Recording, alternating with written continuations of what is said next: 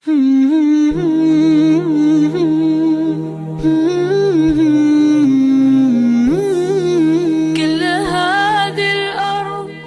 pada kesempatan hari ini akan mencoba menyampaikan tentang satu tema yang diusung yaitu tentang tahib Ramadan. Dan ini nanti akan kita jabarkan walaupun tidak panjang tetapi setidaknya akan memberikan faedah bagi anak yang menyampaikan dan faedah bagi semuanya.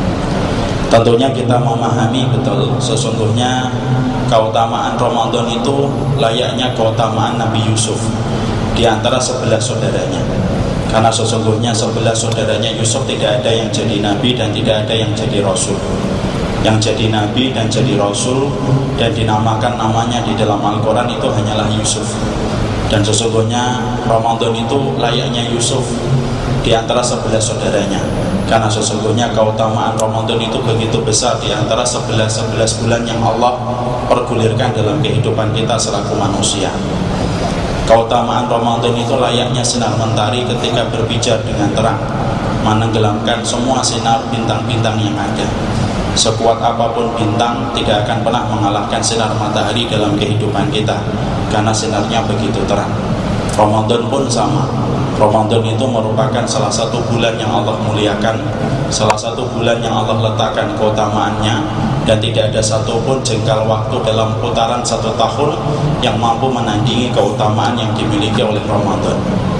Kalaupun ada waktu yang mendekati keutamaan Ramadan itu pun terbatas hanya 10 hari.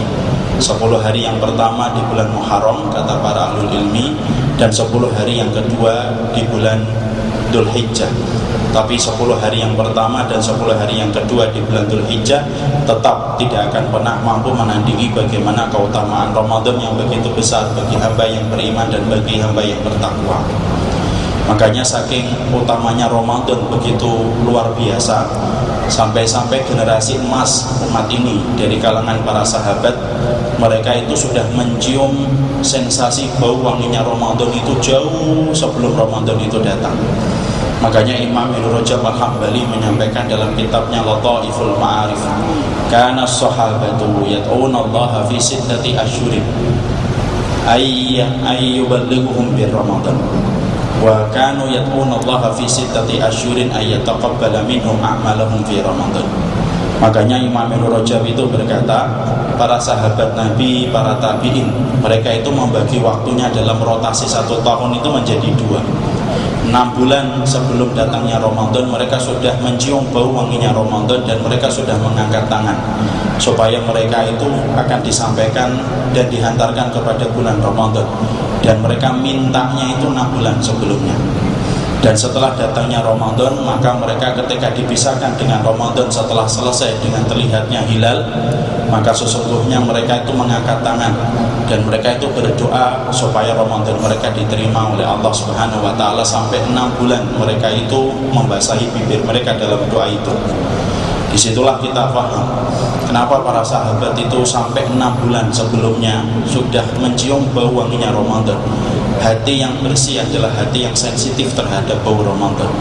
Hati yang tertutup dengan dosa itu tidak bisa mencium sensitifnya bau koki itu akhi kalau dia internasional kalibernya dia bau dia bisa menilai makanan itu dari baunya saja. Tapi kalau kita bukan koki kita tidak akan bisa merasakan makanan sampai kita mencicipi.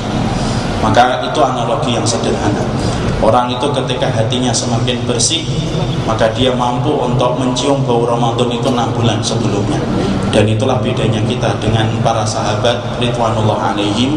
Kalau kita hanya beberapa pekan sebelum Ramadan baru kita merasa.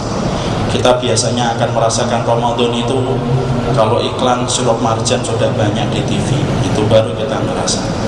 Kongguan yang tidak pernah muncul tiba-tiba muncul kemudian gajah duduk yang tidak pernah iklan nah iklan. Baru kita sadar Ramadan itu sudah dekat ketika kita melihat itu. Tapi bedakan dengan orang-orang yang terpilih di antara umat ini. Mereka itu merasakan Ramadan mencium baunya bau wanginya Ramadan itu 6 bulan sebelum datangnya Ramadan itu. Makanya setelah kita mengetahui betapa besarnya keutamaan Ramadan kita ingin membahas sebentar apa yang harus kita lakukan ketika di bulan Ramadan supaya kita kelak menjadi peserta Ramadan dan alumni Ramadan yang betul-betul bertakwa karena sesungguhnya Ramadan itu adalah madrasah kalau kemudian para ulama mengatakan Ramadan itu adalah madrasah, maka madrasah itu punya dua lulusan, lulusan yang berhasil dan lulusan yang tidak berhasil. Dan kita ingin menjadi lulusan-lulusan yang terbaik dalam madrasah besar yang bernama Ramadan. Karena derajat keberhasilan kita di bulan Ramadan bagaimana mencetak kita sebagai hamba yang bertakwa di hadapan Allah Subhanahu wa taala. Dan kita harus paham dulu keutamaan Ramadan itu apa? Karena banyak di antara kita yang tidak ngerti. Orang kalau tidak faham keutamaan sesuatu biasanya meremehkan. Antum kalau tidak tahu bahwasanya baju antum harganya mahal, pasti antum akan meremehkan baju itu. Antum kalau dapetin baju itu kotor, dibiarkan. Ketetes dengan saus, antum biarkan. Ketetes dengan kecap, antum biarkan. Kenapa? Karena kita tidak tahu bahwasanya baju yang kita kenakan mahal. Tapi beda kalau kita ini punya baju dan kita paham baju ini mahal. Misalnya baju ini 5 juta. Maka kemudian setiap kita mendapati ada tetesan dikit kita pasti cerewet. Kita langsung ke kamar mandi kita pucuk itu supaya tidak meninggalkan noda di baju kita. Kenapa kita cerewet kepada baju kita? Karena kita tahu harganya mahal. Sama pula, kenapa banyak orang itu terkadang melewatkan masa emas di bulan Ramadan ya karena dia faham keutamaannya.